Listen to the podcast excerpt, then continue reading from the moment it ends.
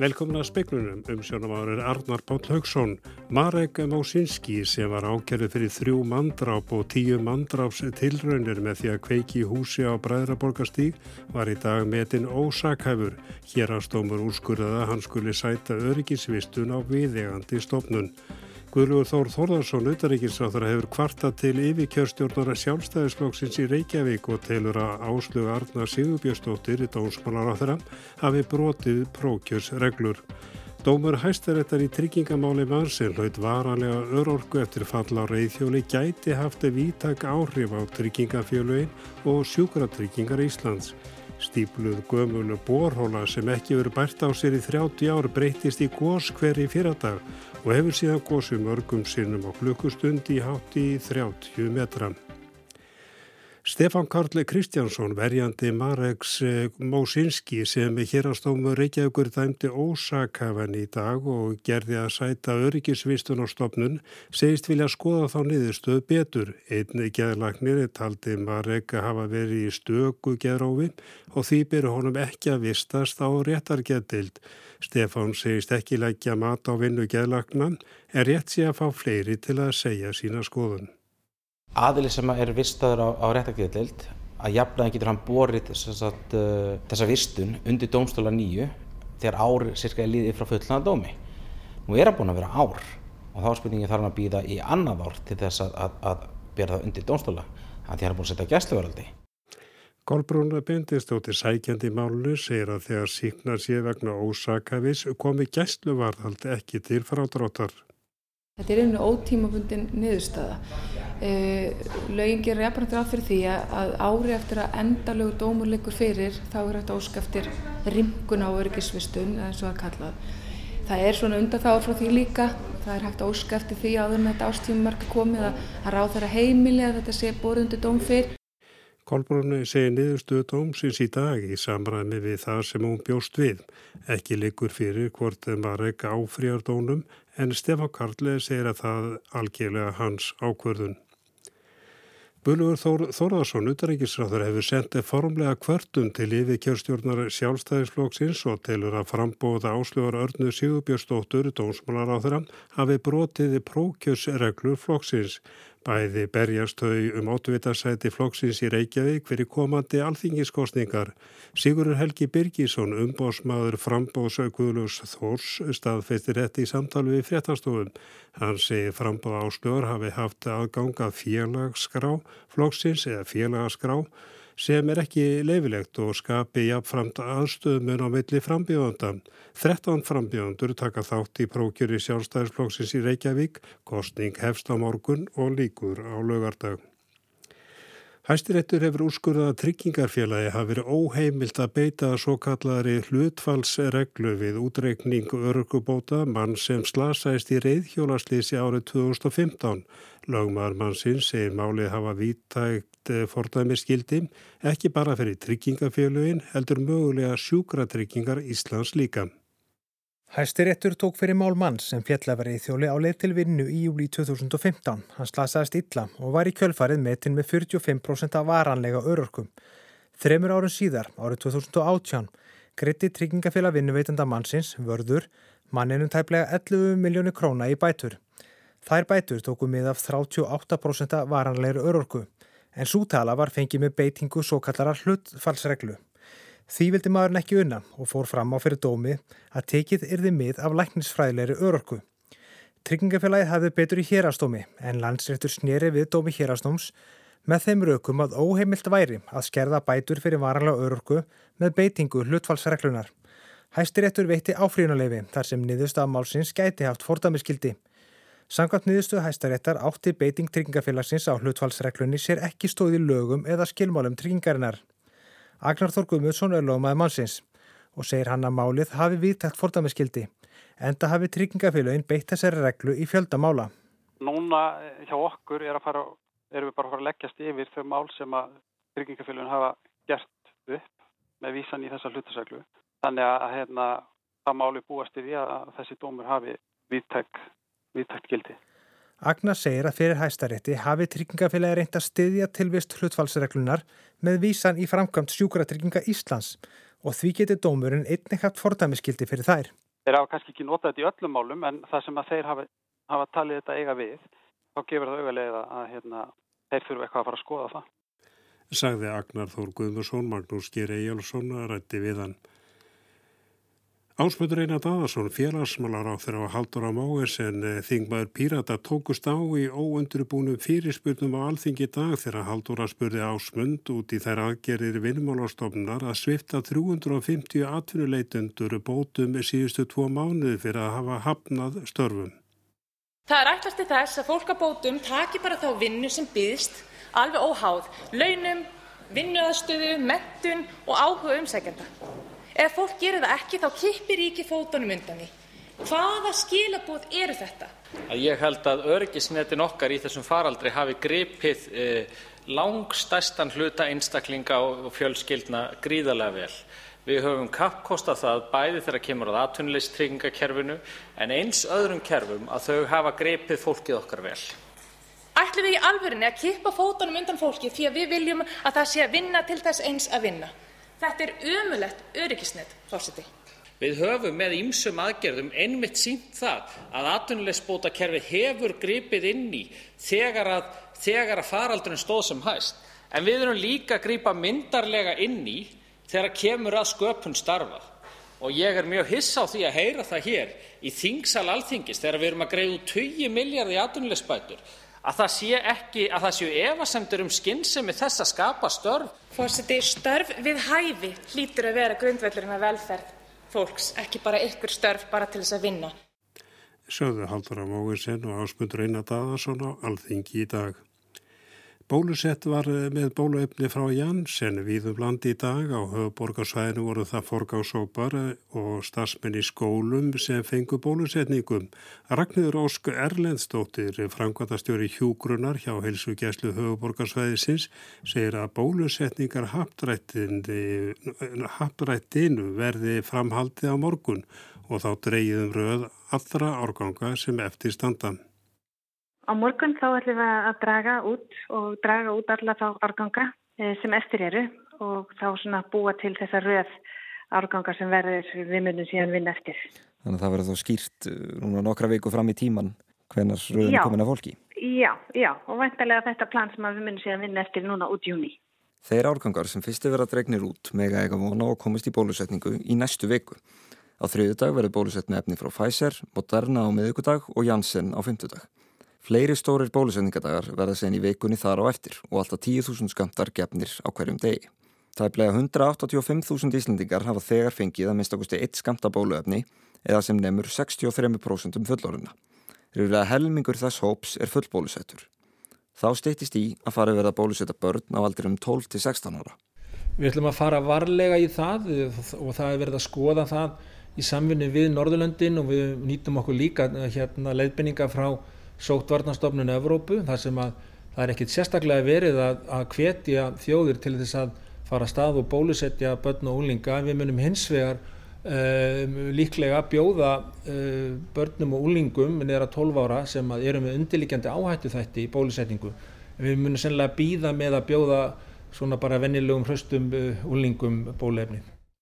Sagði Þórálu Guðnarsson, Alessandri Kristjánsson og tók saman.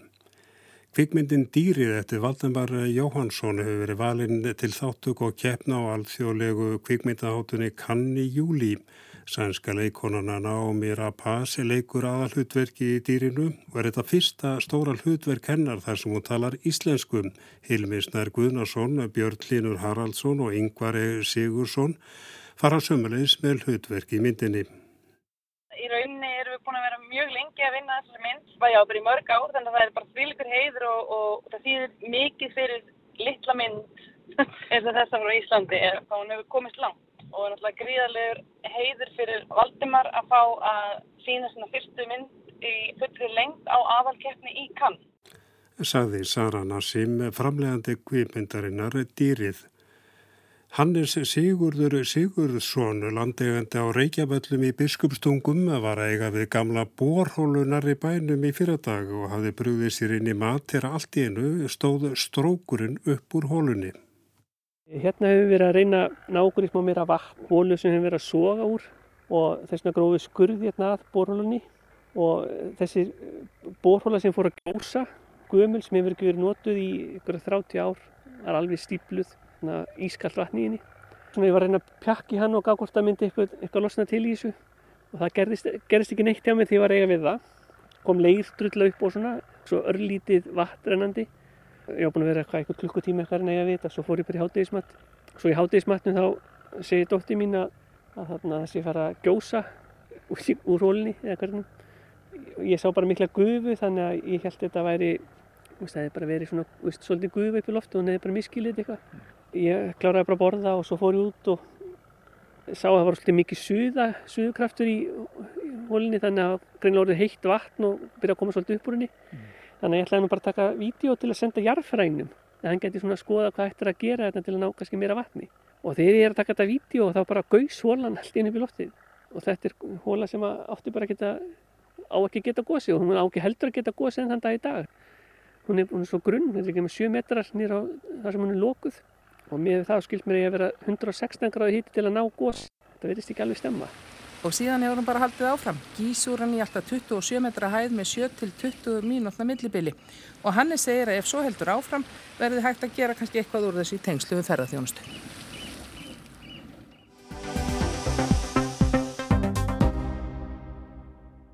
Ráða þarfum 25 nýja lauruglumenn á höfuborgarsvæðinu vegna styttingar vinnveikunar eða vakta vinnunar. Alls er gert ráð fyrir að ráða verði 75 nýja lauruglumenn á öllu landinu. Gert er ráð fyrir að á áskrundvelli verði varðum 900 miljónu króna vegna styttingar vaktavinnutímans hjá lauruglu, landhelgiskeslu og fangavörðum. Ekki er enn ljóstu hvaða upphæðir koma í hlut hvers lauruglu en bætis. Stitting vinnveikur þeirra sem vinna á vöktum hjá Ríkja bæ tók gildum síðustu mánaðamót. Stittingin eða breytingarnar ná til alltaf 9.000 manns, stór hluti starfar á landsbítalunum eða um 3.000 manns.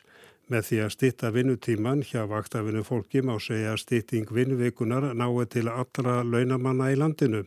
Þegar var búið að stitta vinnutíma dagvinnu fólks á almenna og ofnbæra vinnumarkaðinum. Vinnutími starfsmanna ríkis og bæja stýttist um síðustu áramót. Í vitali í janúar saði Sonja Ír Þorbilstóttir, formadur BSRB, að með stýttinguna ætti fólk ekki að lækka í launum, nýja heldur ætti launakostnar að aukast. Í einhverjum tilfellum hefur komið ljós að þjónusta hefur verið skert vegna stýttingarinnar. Sonja tók af allan vafa um að eitt megin markmiðið væri að þjónustan ætti ekki að skerðast. Nei, það var einmitt ein megin fórsendan og er skrifið inn í kjærasamningin að þetta á að byggja á umbóta samtali sem að gengur út á það að finna út úr því hvernig sé hægt að vinna betur, bæta þjónustuna og tryggja fólki líði betur með stýttingu vinnuökunar. Þannig að það er eina fórsendunum að það er ekki að verða korki aukninga á launakostnaði, nýja fólk er að lækka í launum og sömulegis að það með ekki bytna þeirri þjónustu sem er veitt. Þetta var Sonja Ír Þorbergstóttir í speiklunum í lók janúar. Það gegnir aðeins öðru málu um vaktavinnina. Vaktir eru stittar og það þarf að fyll upp í þau göð sem myndast og ljóst er að launakostnaðurinn mun aukast. Meðal starfslutvalla vaktavinu fólks á landsbítanunum er til dæmis um 70%. Þeir sem eru hlutastarfi eru kvatti til að auka við starfslutvall sitt. Með því mingar þörfin á að ráða nýtt fólk og laun þeirra sem auka við sig hækka þó svo að vinnuframlæði sé eftir sem áður það sama eða svipað.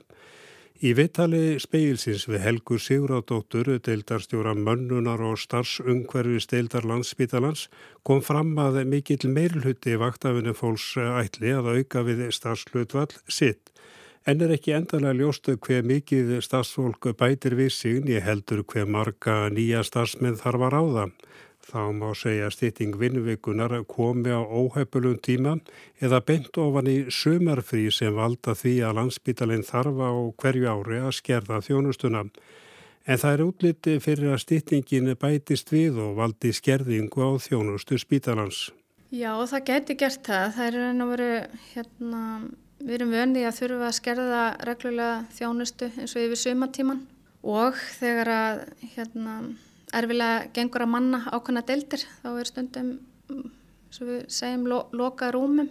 Það er erfitt að, að hérna, núna í sumar eru teiknum að sé að þess erfiðar að manna og, og deildasturur er að telja saman bara hvað vantar margar hérna, vaktir sem, sem standa eftir ómannaðar og Það, það er fólki sem er í vinnu fyrir sem bætir þessu yfirleitt á sig og van á hérna, í þá auka vinnu og hérna, leggur mikið á sig en þannig að það eru teikna lofti núna um að, um að það sé e, erfiðara að manna og, og gæti þetta áhrif á þjónustuna.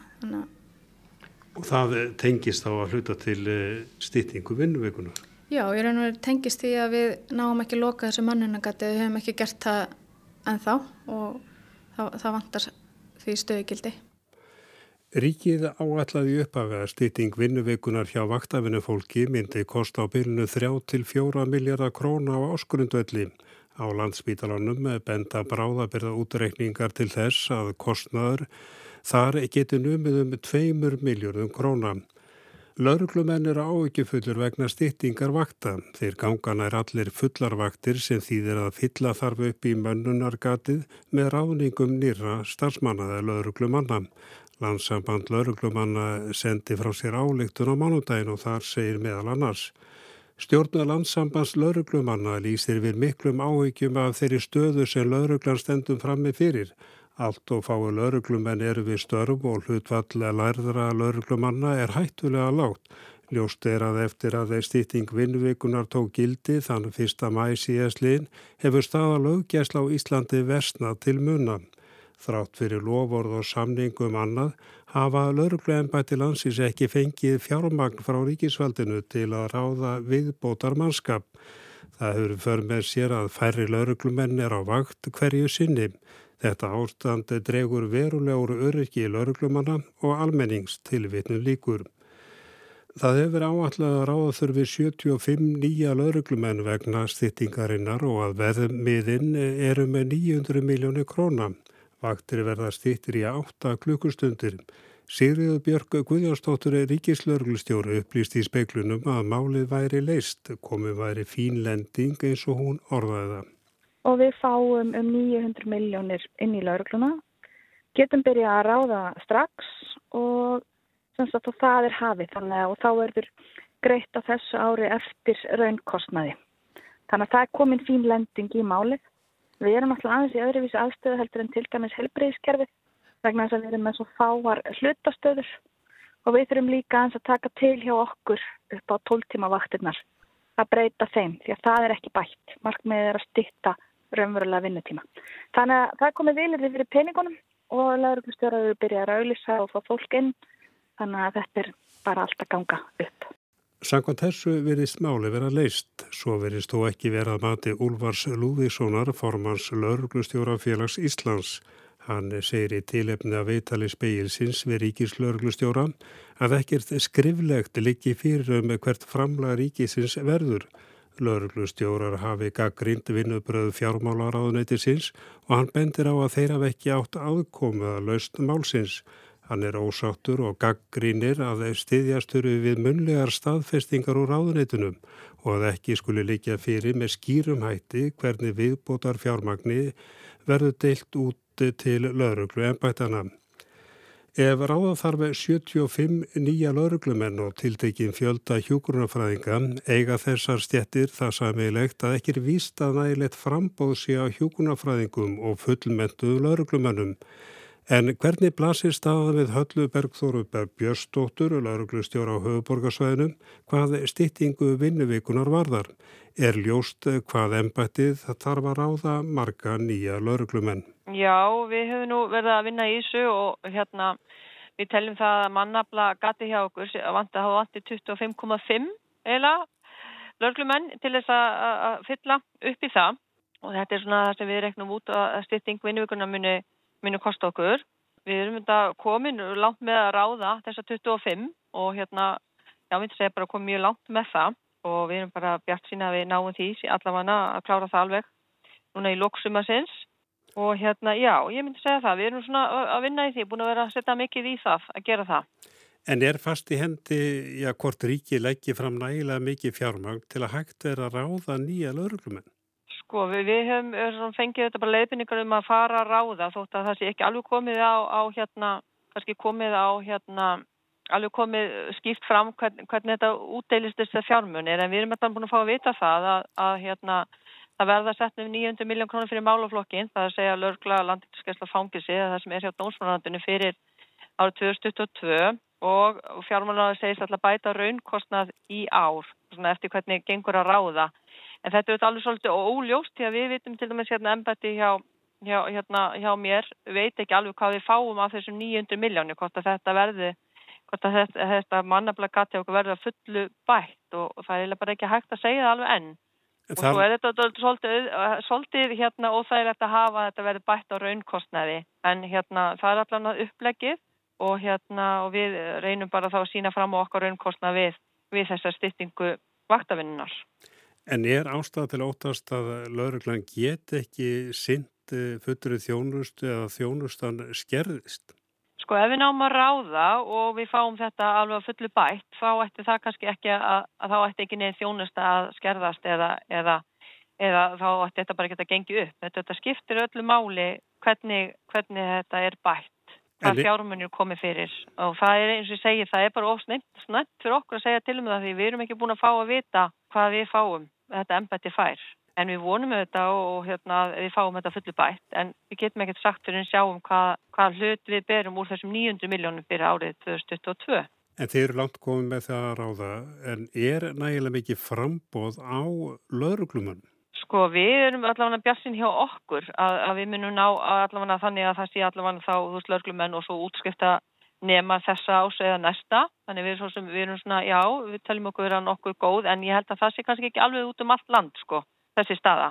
En er þú þeirra sko, skoðunar að það þurfi að já, auka, að fjölga e, í náminu við háskólan og Akureyri að þurfi að útskrifa fleiri lauruglum en að þetta kalli á meðal annars að já, fleiri lauruglum en útskrifist? Já, ég hugsa það að þetta hljóta kalla á það. Að hérna, þetta, það, þeir sem útskjöðast get ekki annað þessari eftirspurn sem verður núna. En er þá, er þá ennbættin ja, að ráða ófaglarða lauruglumenn? Ég, ég, sko, ég get ekki svara fyrir önnu ennbætti en já, ég hef heist að sumstar eru menna að gera það að, og, og það er það sem hefur verið gert líka áður þegar hefur verið örgulla lauruglumennum og þá hafi verið, verið að ráða ófaglarða lauruglumenn. Þetta eru styrtingu vinnuvíkunar en það hefur alltaf verið talað um það að það þurfi enn fleiri lauruglumenn ertu þeirra skoðunar? Að það þurfi fleira en bara það sem var það styrtingu? Já, ég held að við hafum nú, þú veist, þótt að það hafi verið búið að bæta í hjá okkur, hjá lauruglunni, að þá, þá er, það þannig að við teljum að við hérna höfum alveg þörf, við höfum þörf fyrir fleiri lauruglumenn. Þetta, þetta fer bara, það fyrir alltaf að rýna það, hva, hva, hvernig lauruglumenn við þurfum en ég held að svona í almennu löggjastli og, og fleiri sviðum að þá, þá væri fleiri hendur til bóta þess að þjónusta betur. Þetta var að Halla Bergþóra Björnstóttir.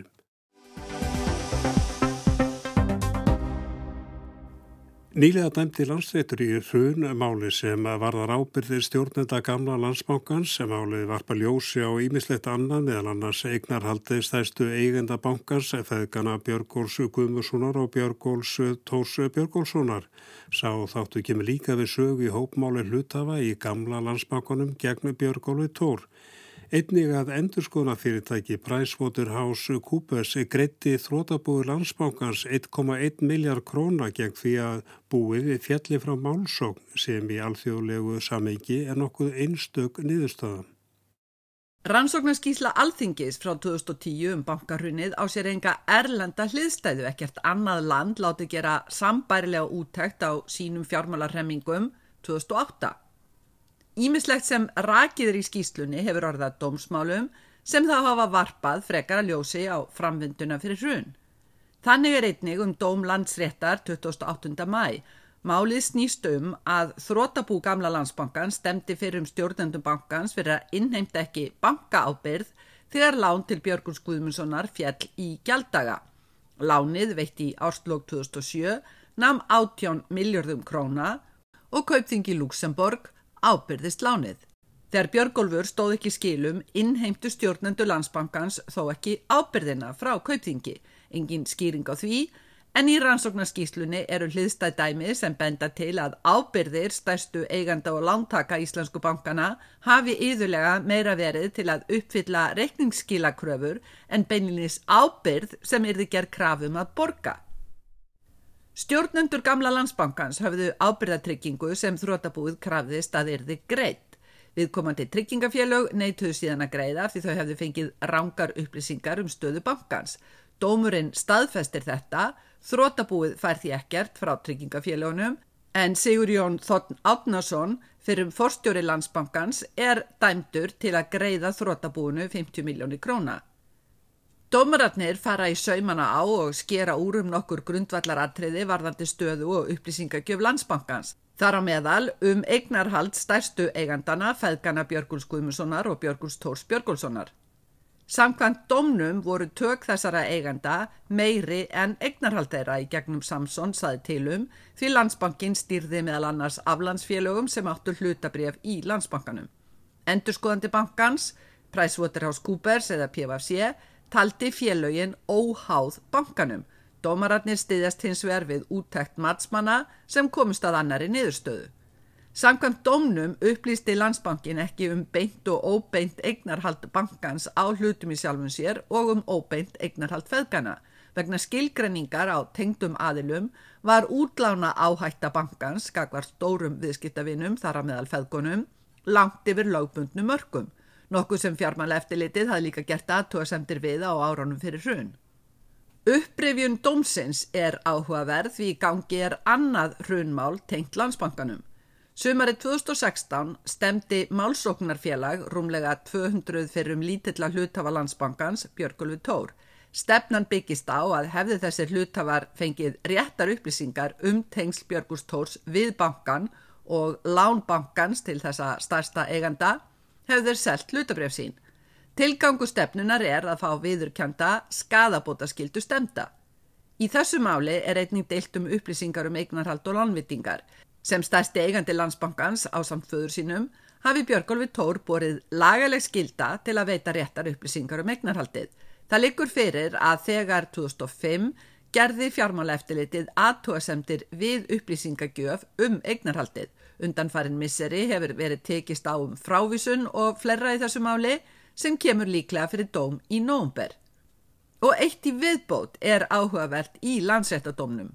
Árið 2017 kom fram að slítastjórn landsbankans sem hafði stemp PFC á Íslandi og Erlenda móðurfélaginu og krafist 100 miljardar króna í skadabætur hefði samið við endurskoðanafyrirtækið, ekki gefið upp hvað PFC hefði greitt aðeins að málið er fælt niður. Í dómilandsetta nú kemur hins vegar fram hvað PFC greitti, 9,5 miljón bandaríkjadala þá ríflega miljardur króna og eins og venja er um slíkar sáttagreðslur, endurskoðanafyrirtækin viðurkendi enga ábyrð, slitabúið viðurkendi ekki að málshöfðuninn hefði verið tilhæfilaus. Í frett viðskiptablaðsins um dómin nú kemur fram að Erlenda PFC hafi borgað. Samkvæmt heimildum speilsins var það PFC á Íslandi sem borgaði, ekki Erlenda félagið. Fjármálarhemmingarnar 2008 fóru illa með mörg lönd, til dæmis Írland, Greikland og Spán. Það er mun meira vitað um hvað týrkaðist í íslensku böngunum en í öðrum böngum, til dæmis í breskum böngum sem breska stjórnin hljópun tilbaka með. Sáttagreisla PFC til slítastjórnarinnar er nokkuð einstök eftir því sem speilin kemst næst á hún sér enga erlenda hliðstæðu. Með dómi landsréttar er nú vitað hvað PFC á Íslandi greiti fyrir að ljúka málinu utan dómsalar. Sigrún Davistóttir saði frá og við kíkjum til veðurs söðaustana 10 til 20 í kvöld og nótt sunnan og vestalands og dáleitileg rigning þar kvassast siðst en bjartveri norðan til söðaustan 15 til 13 á morgun skíða mest og viða rigning á köplum. Hiti 9 til 18 stig hlýjast á norðausturlandi en að 20 stigum norðalands á morgun og það er aðtóðsend frá veðurfræðingi allkvörsu suðaustan átt er síðst á landinu til morguns og geti valdi aukutækin sem taka á sig mikinn vind og ferðalöngum við góðstöðarnar vandraðum í kvöldu hversir enn frekar engum frá markarfljóti að vík í Mýrdal og gul viðvörun á þeim slóðum fram til fyrramáls förstudags en það er ekki fleira í speklinum tæknum var Jón Þór Helgarsson verðið sæl.